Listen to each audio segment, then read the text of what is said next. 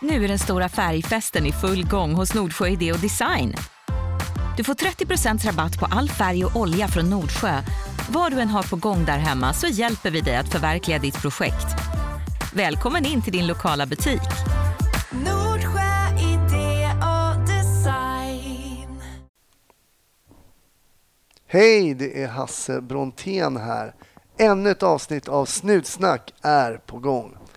Det är Martina från Linköping som gästar och jag lyckades träffa henne på universitetet där i samband med att jag hade kört min motivationsföreläsning från kommissarie till komiker. Är din arbetsplats ute efter en intressant föreläsning så kanske det kan vara något och då kan den bokas via roa.se. Hur som helst så fick Martina och jag låna en lokal på Linköpings universitet där vi kunde podda och resultatet det hör du ju alldeles strax. Men jag måste även nämna nästa veckas gäst som heter Mikael Lund. Han började på Polisskolan 79 och kommer att berätta väldigt ärligt om hur dålig han var som polis en tid. Våldsam och fördomsfull, så missa inte nästa vecka heller. Sen har jag en väldigt rolig nyhet till alla er lyssnare. Det är så att Snutsnack kommer med en livepodd den 2 maj på Intiman i Stockholm. Jag har bjudit in kriminalteknikerna Anna Jinghede och Jens Ulander och vi kommer prata om just kriminalteknik. Mm.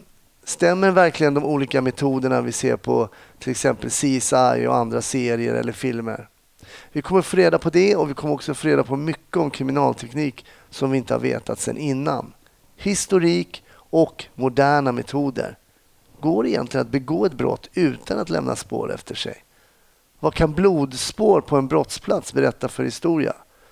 Vi kommer också prata om välkända fall där kriminalteknik haft en viktig roll. Det här blir en riktig sån one night only som jag tror kommer bli så kul och så intressant. Och Det ska bli kul att träffa just dig som är lyssnare där också. Biljetterna släpps imorgon och när jag säger imorgon så syftar jag på onsdagen den 27 februari 2019. Och ni som följer Snutsnack på Facebook har ju som ni vet haft möjlighet att köpa biljetter via det försläppet som jag hade nu i helgen. Så det är aldrig tryck, fel liksom att trycka gilla på den där äh, Facebook-sidan som Snutsnack har. Det här innebär att det just nu redan har sålts biljetter. Så passa på att smita in och säkra en biljett till dig och en kompis redan imorgon tycker jag. För den här kvällen vill du inte missa. Biljetter och info om allt det här finns på snutsnack.se. .se ska det vara. Snutsnack.se, ingenting annat. Mugg och vattenflaska det kan du som vanligt handla på brontén.com. Okej, oavsett om du går, sitter eller springer när du lyssnar på den här podden, var försiktig där ute och ha en riktigt trevlig lyssning. 1310 1070 kom. 1310 Odengatan kom. Ja, det är uppfattat. Vi tar det. Slut. Bra. Klart slut. Jag säger varmt välkommen till Snutsnack Martina. Tack. Så glad att du kunde komma. Vi sitter ju alltså i en liten lokal på Linköpings universitet. Ja, det gör vi. Det är ju så här, man får improvisera även som polis men även som eh, snutsnackpoddare när man ska hitta gäster. Precis. Du har blivit rekommenderad som gäst eh, av någon som följer ditt Instagramkonto. Eller inte bara ditt kanske? eller? Nej, mitt och min sambos. Ja. Ja. Och vad heter ni? Eh, IGV understreck LKPG. Så IGV Linköping helt Ja, enkelt? precis. Fast en liten förkortning. Mm, Precis. Får ni någon feedback där? Eh, ja, det får vi absolut. Vi har väldigt trevliga följare skulle jag säga. Nu börjar jag halka in några flera som kanske är lite mer troll, eller om man får säga så. Ah, Men eh, ja. vi har inte så många följare än. Snart 3000. Ja, men det är väl inte illa. Men vi får jättemycket, mest positiv feedback. Men vi vill ju även ha lite ris också såklart. Mm. Få tips vart de tycker att vi ska vara i stan och sådär. Så det är jättebra. Vad är syftet med att ni startar det här um, Instagramkontot? Jag vet inte egentligen. Det var eh, min sambo som hade pratat om att han funderade på att skaffa ett konto. Eh, men han är lite mer försiktig än vad jag är när det gäller sociala medier. Eh, jag har ett inredningskonto som jag har haft ett tag eh, som är med öppen profil. Då. Men så pushade jag honom att jag tyckte han skulle skaffa. Så förra sommaren när jag var iväg på sommarsemester så skickade han en länk att nu har jag skaffat ett konto, kan du kolla om det ser bra ut? Och på den vägen är det. Så det var väl att han kände väl, tror jag, att man kan använda sig mycket mer av sociala medier i vårt arbete än vad vi faktiskt gör. Med tips och sånt då, och faktiskt få hjälp och, ja, på vad vi, vad medborgarna tycker att vi kan göra. Så där ser man helt enkelt när ni rör er eh, kring Linköping och lite de jobben ni är på. Absolut. Vi försöker filma lite utryckningar eh, och lite, ta lite foton från olika jobb och så där och skriva och försöka blanda upp med Mm. allt då. Så att alla liksom får det de tycker är viktigt eller ser. Mm. Så man ser variationer på jobbet, vad mycket olika saker vi får hantera. Just det. Så. Men vem är Martina då? Ja, vem är jag? jag är en 29, snart 29-årig tjej som jobbar som polis i Linköping.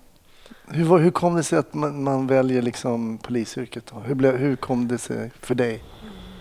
Ja, den där frågan har jag funderat på lite för jag tänkte att jag nog skulle få den. Eh, jag kan inte säga någon så här klockren för jag har ingen i släkten eller familjen som är polis. Det är inget så här som jag haft som någon förebild eller någonting. Däremot har jag aldrig varit, alltid varit väldigt fascinerad av eh, uniformsyrken. Alltså både inom sjukvård och brandmän och väktare och allt sådär. Eh, så jag tror eh, tankarna föddes någon gång i början av tonåren. Att jag tyckte det verkar häftigt. Men då är det prydligt. Är det din inrednings... Eh, att det är prydligt med uniformer? Och, Ja, eller- jag, ja, jag är lite perfektionist är jag ju. Så det, det, jag gillar ordning och reda. Jag har även jobbat i Försvarsmakten tidigare. Ja, okej. Så det var ju definitivt efter jag gjorde lumpen, för jag har gjort värnplikt, som jag kände att jo, men det är polis jag vill göra, för jag vill liksom jobba ute i verkligheten, eller vad man säger. Eh, I försvaret leker man lite mer krig. Just det. Sen är det klart man kan åka på missioner och så, så jag vill inte säga något elakt här om alla som jobbar i Försvarsmakten, eloge till er. Men eh, jag kände ändå att polis eh, kändes mer som min grej. Var gjorde du lumpen någonstans? I Enköping. Mhm, Vad, vad har de för typ för regemente där? Eh, Då? Det är ju ett saft och bulle-regemente om man säger så, som det kallades. Saft och Eh, bulle. Ja, precis. Saft och bullekompanier. Men jag var på en insatspluton som insatsgruppbefäl och förare. Okej. Och sådana plutoner finns ju på alla regementen. Det är de som har hand om alla skyddsobjekt och kör all eh, skarptjänst. Om man inte är på Livgardet då, för då har de ju skyddsvakter och militärpolis. Mm. Eh, Men annars så, vi jobbade mycket skarpt med eskorter eh, och eh, vakta skyddsobjekt och sen även vakttjänst då, som kanske inte är superskoj. Men det var ändå skarpt så man fick ju ta emot väldigt mycket besökare och Mm. göra sånt då, och vara på sin vakt eller vad man ska säga. Men du kände inte att, att framtiden fanns där på samma sätt då inom det militära? Nej, eller? jag sökte specialistofficer precis efter när jag var 20. Vad innebär det då, jag- specialistofficer? Eh, det är en kortare utbildning, då blir man förste sergeant. Annars om man läser eh, vanlig officersutbildning som en högskoleutbildning, då läser man ju tre år, så det är dubbelt så lång tid. Och då blir man fänrik och det är två olika gradsystem. Eh, Spesoff, som det förkortas, är eh, lite mer praktiskt skulle jag vilja säga, eller de blir mer inriktade på en specifik sak. Okay. Och då hade jag fått för mig att jag ville jobba med underrättelse och säkerhet. Mm. Och det var ganska tuff konkurrens och de ville ha lite äldre personer som sökte så jag tror de hade typ 22-årsgräns eller något helst. Så jag fick en tredje reserv tror jag.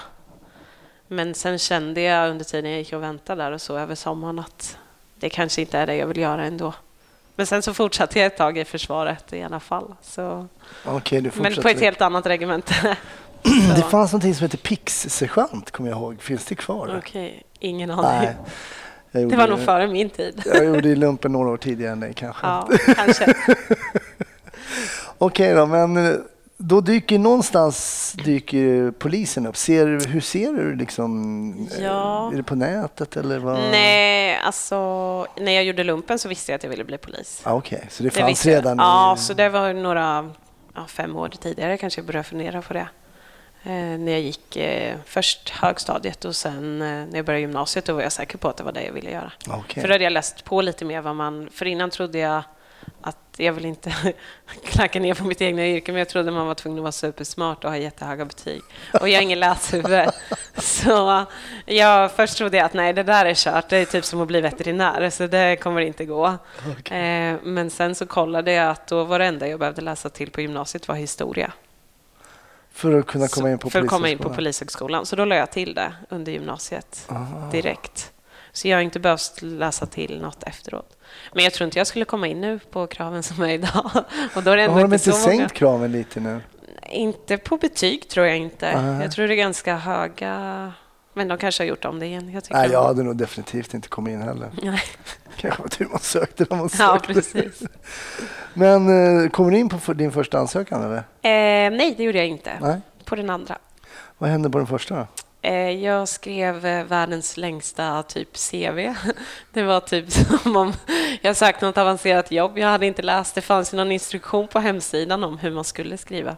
Den hade jag liksom förbisett. Okej. Så jag skickade in en kanske sex sidor eller någonting. Oj. Det var både personligt brev och CV och alla jobb och eh, referenser. Men var det negativt då? Alltså? Ja, för tydligen skulle man bara hålla sig till till A4 och då fanns det förbestämda frågor när jag sökte. Då. Ah, okej. Så här att man skulle fylla i varför vill man jobba i uniform, eh, vad man hade haft för tidigare arbeten, beskriva sig själv lite kort, lite bakgrund och då skulle det få plats på en A4. Mhm. Så jag hörde med för mig några som hade kommit in som jag hade gjort lumpen med. Mm. Varför, hur kom ni in men inte jag? Liksom? Och då så sa de det att, eh, ja men hur skrev du ditt personliga brev eller kan du skicka det?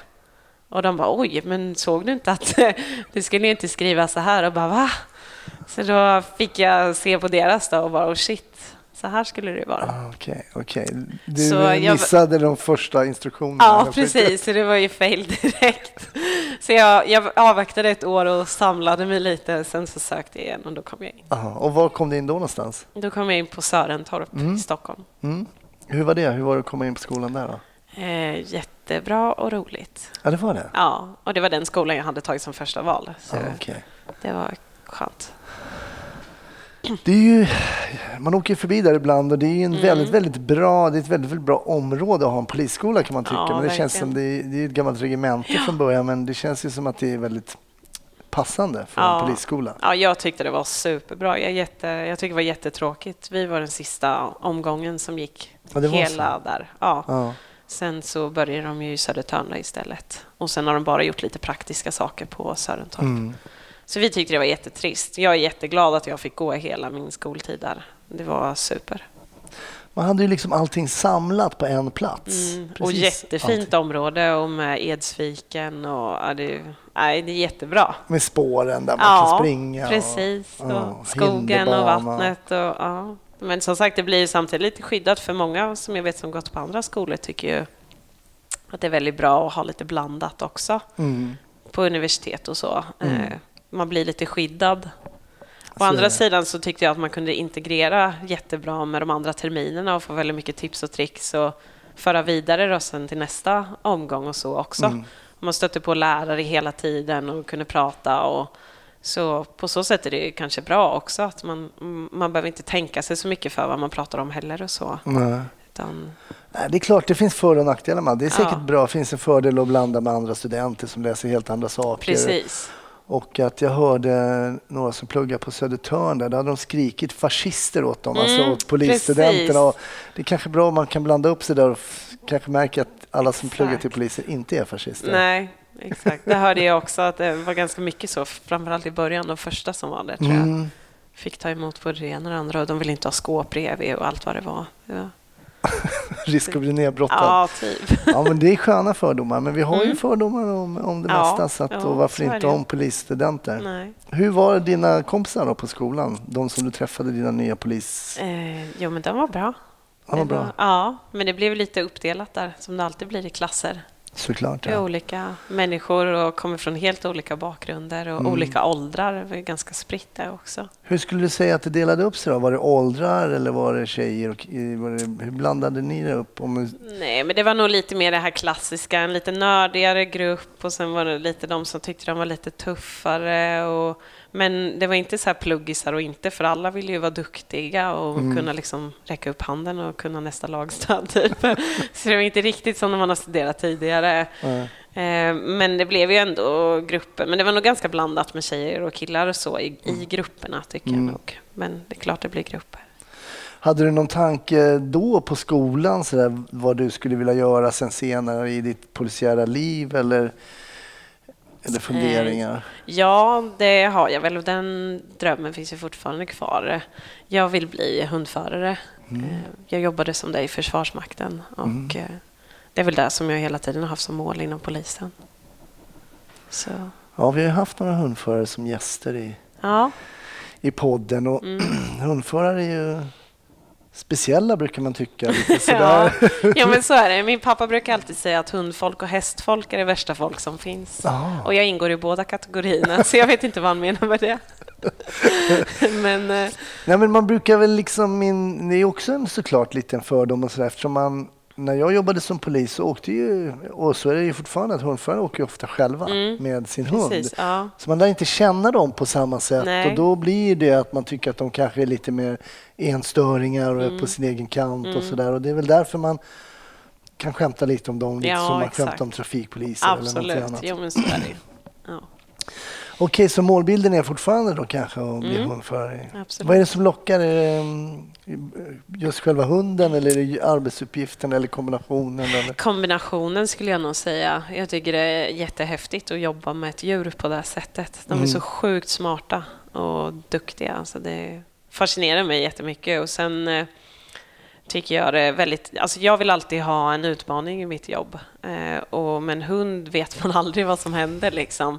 Och sen ska man dessutom uppfylla alla de polisiära kraven och vara polis samtidigt. Så jag tror att det skulle ge mig väldigt mycket Mm. och få den eh, utmaningen hela tiden och det här att eh, man hela tiden testas och det är tester på hunden och man ska testa som ekipage och eh, man måste klara sin uppgift och om den liksom brister någonstans då är inte alls bra. Så, Hur ser eh, utsikterna ut för en hyfsat eh, nybliven polis? Då? Du har varit färdig Ja. sen... sen, eh, helt färdig sen hösten 16 och jag gick ut på aspiranten i april 16. Just det. Så det beror lite på hur man räknar. För de gamla poliserna gick ju direkt ut på sin eh, anställning efter aspiranten. Så Ja. de räknar ju ofta från första dag. Mm. Men vi gick ju tillbaka till skolan. Just det. Så jag får väl säga bara strax över två år. Ja. Ja. Men hur ser utsikterna ut för en polis som har varit ute i lite drygt två år att till exempel bli hundförare? Såklart handlar det om omsättning. Absolut. Jag Mm. tror ändå de ser ganska goda ut. Eh, Jag trodde väl, eller man har ju hört så här, att man måste jobba som polis i minst tio år och det var väl mycket mer så förr tror jag. Mm. Men jag ser väl ändå ganska positivt att jag tror inte jag behöver vänta tio år. Nej. Men jag känner absolut ingen stress med att bli det heller. Nej. Eh, Hur pass mycket, eller hur pass färdigutbildad känner du? Du är ju färdigutbildad på pappret så att säga. Mm. Ju, men hur pass färdigutbildad känner du dig efter drygt två år ute? Ja, jag vet inte. Det är typ först... Jag tror någon gång i höstas började jag känna mig lite mer så bekväm och när det har kommit några omgångar med nya poliser. Men färdigutbildad tror jag nästan aldrig att man blir Nej. i det här yrket.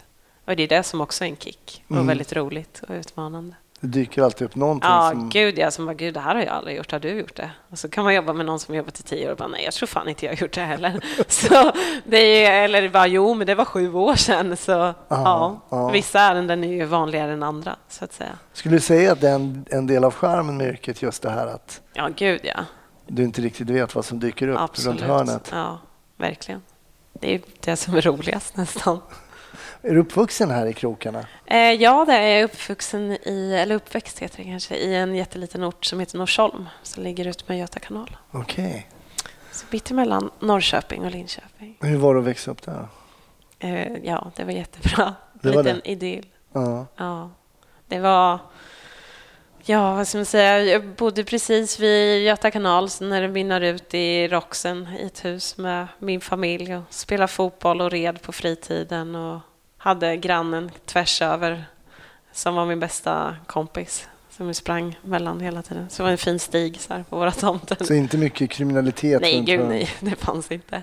Vi hade några som köpte, körde epa fort. Det var liksom det största snackisen. Som höll på att köra ner oss någon gång tror jag. Så då blev det... Men då skrev man väl lappar eller jag vet inte hur man kommunicerade då. Det var inga Facebook-inlägg i alla fall. Men, hur är det då om jag tänker att man kommer från en sån eh, ganska lugn miljö och utan ja. kriminella element som man träffat. Sen börja liksom Mm. umgås med folk som är kriminella och, och så. Hur tycker du att det har varit den... Eh, ja... Jag förstår. det mötet med liksom, Ja. i den världen som du kanske inte hade mött, Mm. då, hur var det? Jag har nog inte tänkt på det något speciellt så. Jag vet eh, när jag började högstadiet då började jag i en eh, bruksort börjar man då i eh, som heter Skärblacka. Och där är det betydligt mer narkotika, eller det är narkotika. I Norsholm där jag är ifrån där visste jag inte ens att det fanns narkotika. Kanske fanns det, men jag har aldrig sett det där. Ja, ja. Men det vet jag när jag var 13 när jag började högstadiet att liksom bara, oh shit, folk knarkar här. Mm. Det vet jag att jag reagerade på och tyckte var lite läskigt. Och liksom. Sen var jag lite utav en rebell när jag var tonåring så samtidigt fanns det någon liten spänning i det också på något sätt. Mm. Men eh, ja, nej, annars så tror jag, jag vet inte, jag har nog inte blivit så chockad så över hur samhället ser ut egentligen. Nej. Jag kommer ihåg själv att jag hade jobbat ett tag. Jag jobbade inne i stan och sådär i, i Stockholm. Och sen var, det, var jag med om några grejer som jag tänkte, fan det är liksom som nästan parallella världar som man lever i ibland. Mm. Alltså man har Det levt i sin lilla vara. värld. där Ja. Liksom, och ibland när man pratar med folk nu, jag kan prata med folk som jobbar inom ja, lite min bransch med teater och skådisar och komiker. Mm. Det, man har levt liksom Ja. man lever liksom samtidigt men i, i sidan i liksom parallella rör Ja. liksom, som inte nuddar varandra. Nej, Och som inte har koll på det här om man letar i bilar som man har stoppat Nej. och det Nej. här. Alltså det, det, Mm. jag tänkte på det någon gång, så nu är jag i en värld som jag aldrig hade hamnat i om jag hade pluggat till jurist eller Nej, whatever. nej, precis. liksom. Nej, så är det ju. Men du har aldrig fått någon sån när du stått i skogen med någon konstig händelse så jag tänkte vad, vad, hur hamnar jag här?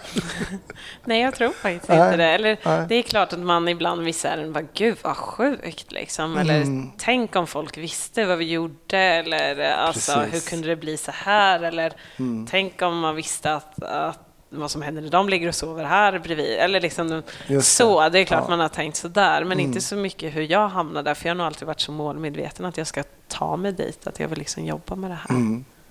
Så. Hur, det är ju när man, när man kommer ut och börjar jobba som polis så är ju många, jag var lärare på skolan och till exempel så hade jag termin treorna då, jag var uppe på bårhuset och det finns en Ja. oro kring Mm.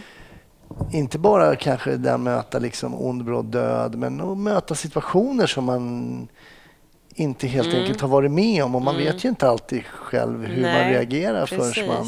Hur, hur kände du inför sådana grejer? Kände du liksom mentalt redo för de flesta situationer? Eller var det något du funderade på liksom när du var klar och sådär? Ja, och det gör, gjorde jag väl och det gör jag väl fortfarande lite med vissa saker. Exempelvis, jag har aldrig fått riktigt med stryk, alltså fått ordentligt med smällar. Och det är ju så här, jag undrar fortfarande när kommer den dagen komma i jobbet när någon verkligen lyckas smälla på mig. Förhoppningsvis aldrig, att man liksom med erfarenheten då... Det sa alltid min pappa, så, sig. räkna med att du kommer få stryk. Ja, men precis. Så tänkte- den är fortfarande lite så här att jag kan bli nervös ibland när man märker av att en människa är så sjukt labil kanske, eller så, Mm. eller väldigt oberäknelig.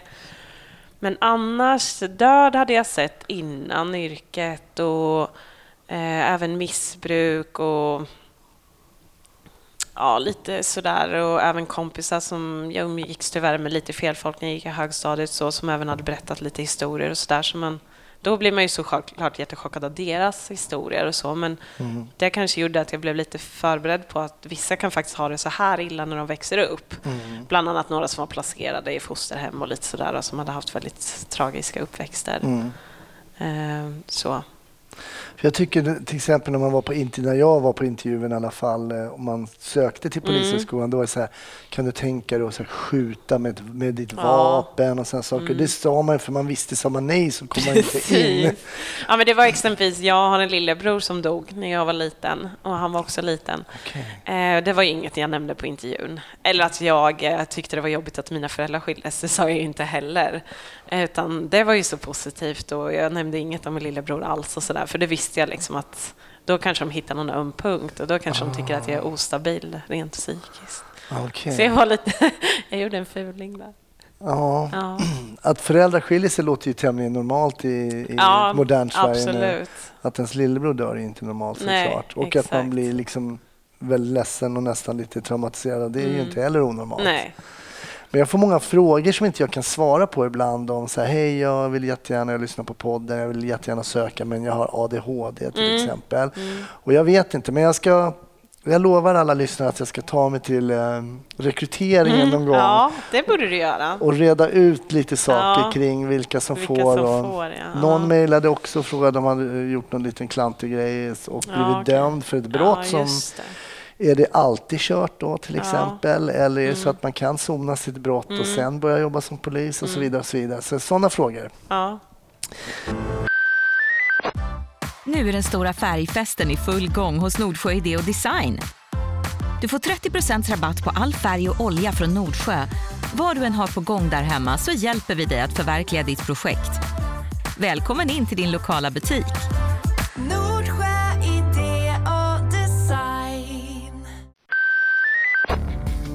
Men okej då, så tycker du att polisskolan förberedde dig mentalt för det som komma skulle? Mm, ja, det tycker jag. På, e-, eller ja, absolut skulle jag väl säga ja, rent spontant. Men sen så var det väl mycket som man hade fått pekfinger liksom. Ajabaja, så här får ni absolut inte göra ute. Men som sen när man kom ut så bara, men va, vad är det där de har lärt sig? Skit i det där liksom. Och så hade man gått och varit nervös för det inför tentor. Och jag kan inte komma på någon specifik grej, men lite man jobbar ju lite i gråzon som man säger och Mm. även hur man använder lagstöd och vilken ordning saker och ting kommer ibland när man jobbar Just ute det. praktiskt. Mm. I skolan skulle allt verkligen vara så här uppradat och först måste ni ringa om det här och sen gör ni si och sen ska det vara så. Och det är klart, man måste ju lära ut på något sätt men det var väl liksom det mer mentalt att man insåg att shit, det blir liksom verkligen inte som man tänker sig eller tror. Nej. Och där kanske man inte, eller jag inte var jätteförberedd på på det sättet, utan man kanske trodde att det skulle vara lite mer det här strukturerade som det var i skolan och att det blir alltid, om jag har tänkt att det ska bli en eh, PL19 här, då kommer det bli det. Liksom. det. Och, ja. Sen snackar man med befälet så blir det inte det Nej, alls. precis. Då ska den där gripas och istället ska vi göra någonting annat med honom. Eller, ja. Det var, också en, det var också ganska mm, svårt när man kom in till skolan som lärare. Man hade jobbat ute Mm. I, i 15 kan jag tänka år och eh, i mitt fall då som bara narkotika och sen så här, nu ska ni ringa till åklagaren när vi typ aldrig ringde till Nej, åklagaren. nej.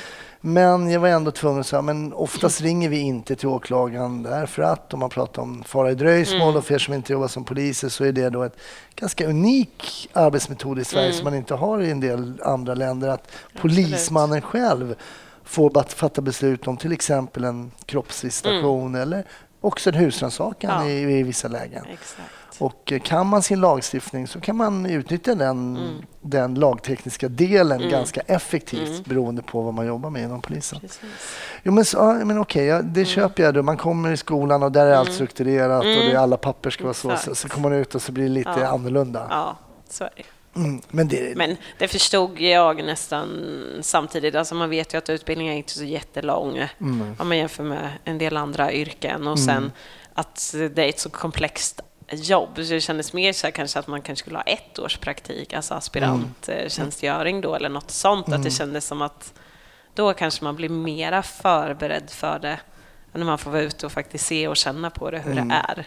För att öva på skolan, då hade vi dock det är jättebra på skolan hur det ser ut och med lagtorg och man får öva med riktiga skådespelare ibland och sådär också, så det är ju toppen.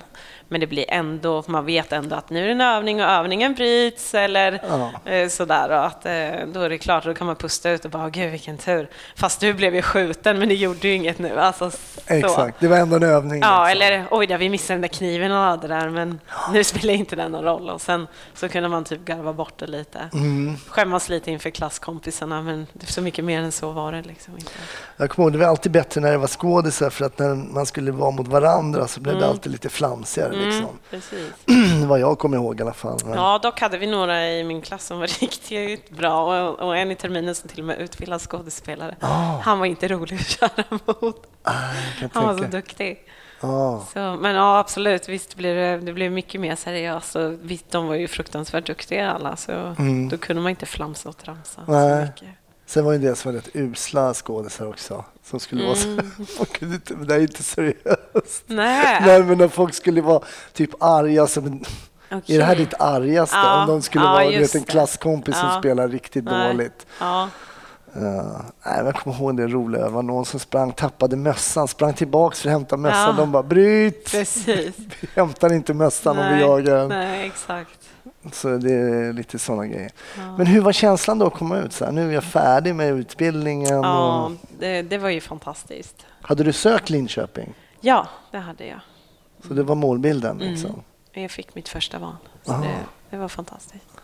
Men det var ju nervöst också såklart. Mm. Men jag är ganska, jag har väl inte jättebra självkänsla och sådär och den sviktar väl lite fortfarande. Det kan göra ibland att man tänker att man inte kan det man faktiskt kan. Eh, Och blir lite osäker och så. Och det var ju också en farhåga sådär, gud kan jag verkligen det som krävs? Och det kändes som alla andra var mycket duktigare om man jämför. Och de är från andra skolorna. När man började första dagarna på aspirant kom jag ihåg, gud det verkar som de har pluggat mycket mer än vad vi har gjort. Och lite så här, för upplägget är ju lite annorlunda på de alla skolorna. Så, mm. Men jag tänker på aspiranten, är den lagom? Liksom? Är det någonting som du saknade där? Skulle man kunna liksom, få mer kött på benen på aspiranten? Eller var det... Alltså, jag vet inte. Det är, ju- det är klart att man skulle vilja ha mer egentligen, men samtidigt, det där är ju så styrt hur det ser ut, just vart man kommer och vilken tid på året. Och det kan vara en jättelång period ju. och sen Mm. lyckas man hamna på IGV, alltså ingripande verksamheten, de veckorna så var det den lugnaste perioden de haft på över ett år. Så det där är så svårt, men jag tycker nog att det var ganska lagom ändå faktiskt. Mm. Våran var uppdelat bra. Vi var sex eller sju veckor på ingripande verksamheten och typ tre på trafiken och två på områdespolisen tror jag och sen fyra eller fem veckor på utredning. Mm. Så det blev ändå en, en ganska lagom mix. Hur trivs du idag då? Som polis? Jag trivs jättebra. Är det? Ja, Är det ett yrke som du skulle kunna rekommendera om någon ungdom kommer och frågar? Ja, absolut. Jag brukar säga till alla att de ska bli poliser. Speciellt de busarna som ofta säger men du vet, jag ska bli snut, säger de. Och så bara, ja, absolut, kör. Jag älskar det, så det är bara att köra. Du är välkommen. Så, jo, men det, det rekommenderar jag. Så du diskriminerar ingen? Du rekommenderar Nej, jag alla? rekommenderar alla. Bara de uppfyller kraven så, Ja, så då är det inga ju problem. fine. Ja. Ja, precis. Sen får de väl rannsaka sig själva om de tror att de skulle vara lämpliga. Aha, precis. Ja, men kul. Då är du ute lite drygt två år. Målbilden är det här med mm, hundföreriet. Mm. Håller tummarna där såklart. Mm, Ehm, tänkte be dig berätta en historia om någonting som du har varit med om under den här tiden som du har varit ute och jobbat som polis som har Mm. satt sig lite mer. Vad, Mm. vad funderar du på där? Men jag funderar på um, en händelse som faktiskt var i höstas, så det är inte så jättelänge sedan. Mm, det var jag och min kollega var över i grannstaden Norrköping, där jag också har jobbat tidigare. Eh, Jag, fick, eh, jag jobbade där efter min aspirant i ett år ungefär. Eh, Men vi får åka över dit ibland och, och jobba. Det var ett kvällspass, om jag inte minns fel. Så får vi in ett dödsfall. Och det har jag varit på några stycken, så det var inga sådär konstigheter i sig. Och en adress ganska nära polishuset, så trots att jag inte hade varit där och jobbat på ungefär eller det var ett år sedan jag slutade i Norrköping så kände jag ändå, jo men den adressen sätter jag liksom utan att behöva knappa in GPS och sådär. Ehm, men så får vi reda på när vi åker fram att eh, det är föräldrarna till den här personen som har, eller de har hittat sin son avliden och gått in med nyckel och att de finns kvar på platsen. Okej. Och då börjar jag känna lite så här, jaha okej, ska vi ha ett dödsfall samtidigt som vi ska ha någon slags dödsbud fast de vet om att han är död men ändå hantera den sorgen som de troligtvis känner just nu.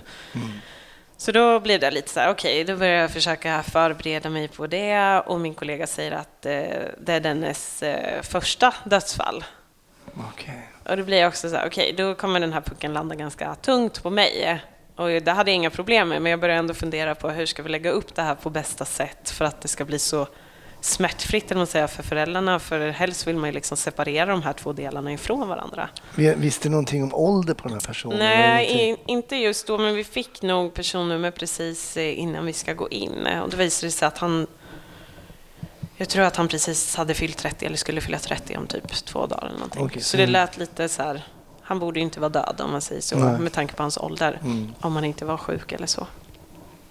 Eh, men eh, Vi kommer in i den här lägenheten och som det är och eh, träffar två jätteledsna föräldrar såklart. Så då säger jag åt min kollega att eh, hon kan ta samtalet med dem. Så kan jag, om liksom tycker det var jobbigt med den döda personen så kan vi gå in och kolla. Kan jag gå in och kolla själv, men vi går in och kollar eh, hur det ser ut där han finns. Och det ser ut som ungefär ett filmscenario när en- person typ har tagit en överdos.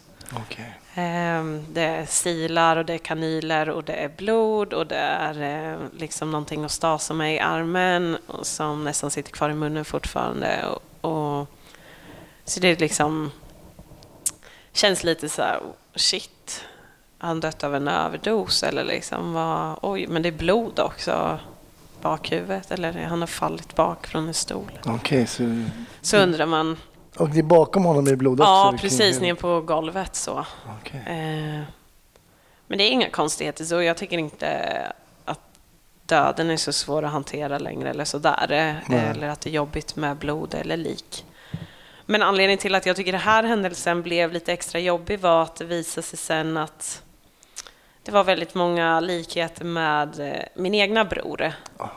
Som är nykter alkoholist och även varit eh, narkotikamissbrukare och är lika gammal, en man från Norrköping som liksom satte lite spår hos mig efteråt och jag tyckte det var jättejobbigt eh, efter själva händelsen för jag pratade väldigt mycket med föräldrarna också medan vi väntade på att läkaren skulle komma. Det är ju så himla många olika så här, man måste vänta på i ett sånt här typ av ärende. Det är politi och vi tog dit en präst också för att de skulle få prata med en sån. Och då, kommer, då visar det sig att den ena som kommer då, diakon som det heter, det som jag hade när jag konfirmerade mig. Så det blev väldigt mycket så nära.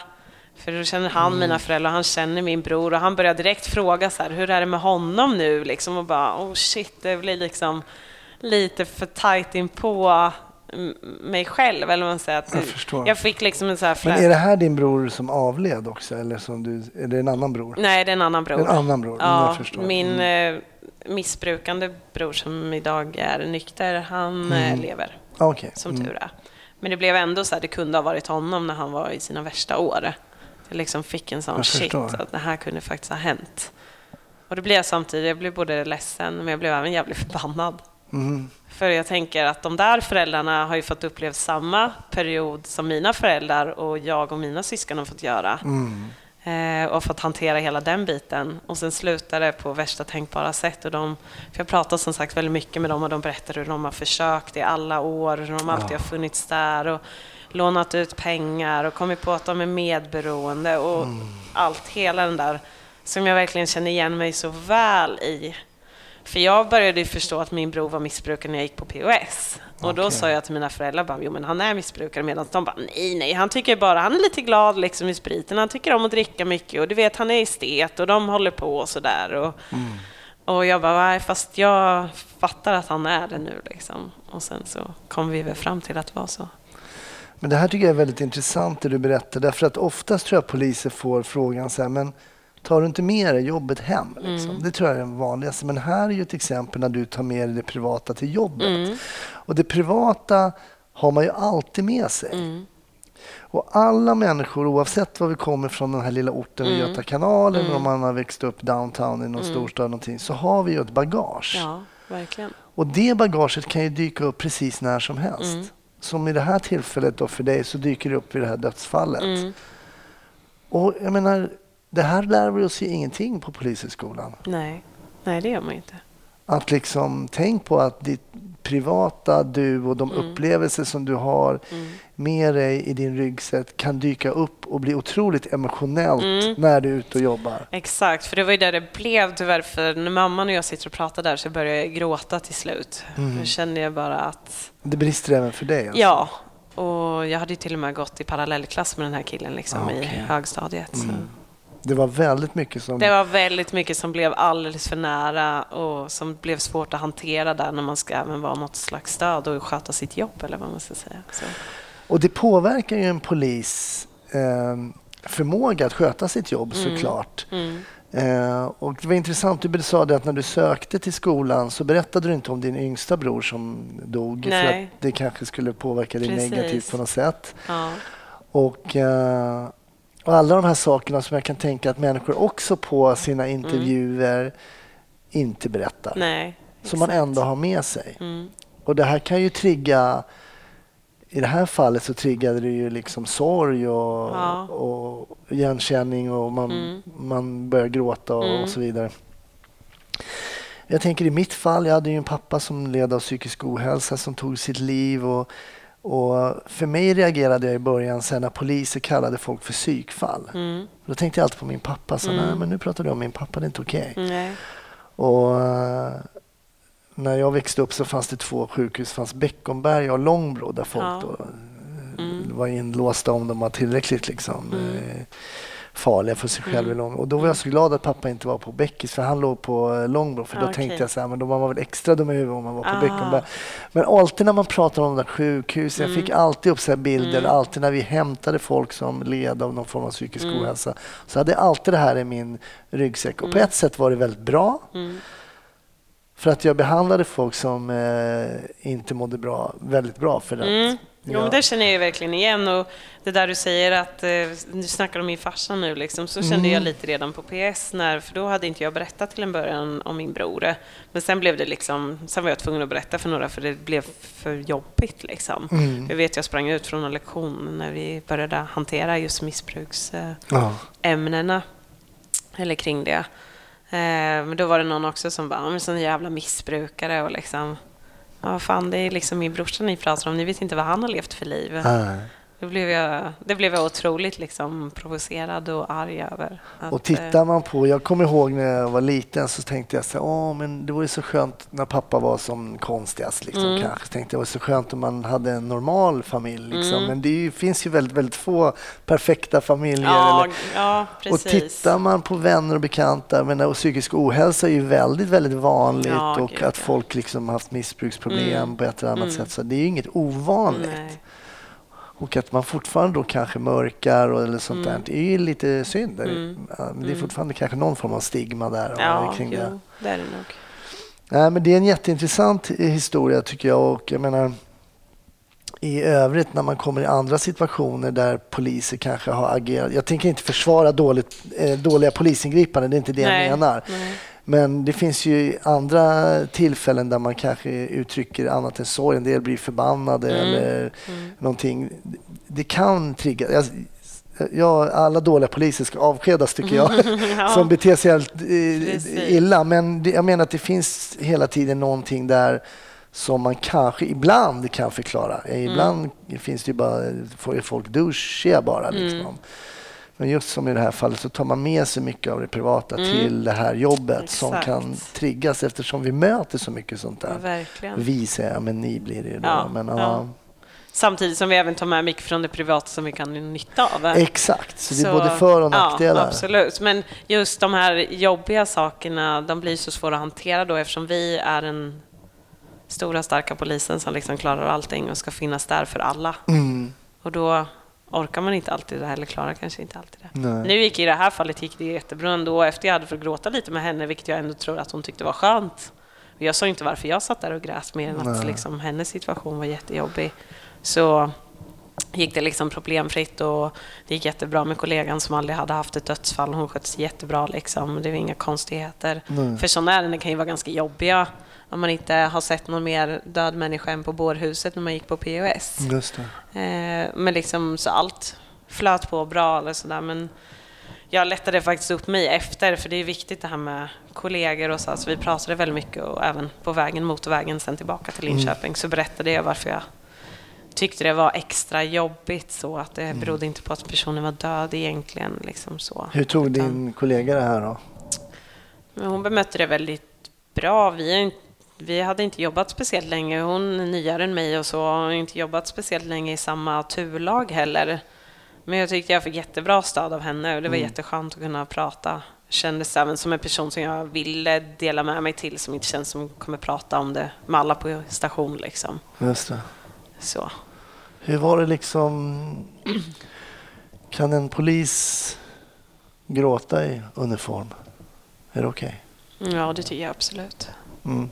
Jag tycker det är ganska en viktig del. Eller alltså det är klart man kanske inte ska stå och gråta överallt, men det är viktigt även att De, alla människor i samhället ser att vi också är människor och att vi har känslor och att Mm. vi är inga robotar. Liksom. Både det här att vi kan bli förbannade, men vi kan visa sorg och glädje och man kan kramas och high-fivea någon unge på en skola och liksom leka lite och sådär. Så jag tycker gråta är en del av det också. Det är, ju- Mm. jag tycker det är absolut. Det är, Du berättade här innan också att din sambo jobbar som polis. mm. Vad finns det för för och nackdelar med att ha samma lite unika yrke som polis? Ja, fördelarna är väl att eh, det alltid, eller väldigt ofta, finns en förståelse för eh, både det här med övertid och att man eh, tycker att saker är jobbiga, att man inte vill prata om allt och att vissa saker vill man prata mer om. Och även att man kan bolla Ja, hur hade du gjort i den här situationen? Eller, jag frågar honom väldigt mycket eftersom han har jobbat betydligt längre än vad jag har Mm. eh, och även eh, yttre befäl. Då. Eh, så jag tar jättemycket alltså, råd och hjälp av honom. Eh, så det tycker jag är helt klart en fördel. En nackdel är väl att det tyvärr kan bli väldigt mycket polissnack också. Eh, och att ibland önskar man att bara, men snälla kan vi gå den här morgonpromenaden utan att prata om jobbet? eller utan att prata om kollegorna? Eller utan att prata om det nya schemat? Eller Just det. men vi är nog ganska bra på det ändå. Men det är väl den största nackdelen skulle jag säga, att man blir väldigt så här inrutad i jobbet. Och sen älskar vi båda vårt jobb eh, också. Umgås ni bara med polispar? Nästan. Gud vad hemskt. Är det så? Blir? Ja, det är väldigt mycket i alla fall. Ja, det är så. Ja. Men annars tycker jag nog det är mer fördelar än nackdelar skulle jag säga. För att just förståelsen för yrket anser jag är så himla viktig. Mm. Eh, och att man, eh, ja, det tycker jag är en väldigt viktig del. Eh, så det underlättar ju. För det vet, man vet ju många par som går isär som inte har en, en polissambo eller är gift med en polis. Som. Tyvärr är för att den andra parten kanske inte har en förståelse för hur eh, arbetstider och yrket ser ut. Om man nu jobbar de arbetstider som jag gör. Just. Mm. Så ska jag tolka in att en av nackdelarna är det att det kanske ibland blir väl mycket Mm. polisiärt? Precis. Ja. Ni sitter inte och pluggar så lagstiftning och sånt hemma? Nej, så nördiga är vi inte. Där Vi går, är lite mer praktiska. där går, där går gränsen. Där går gränsen, ja.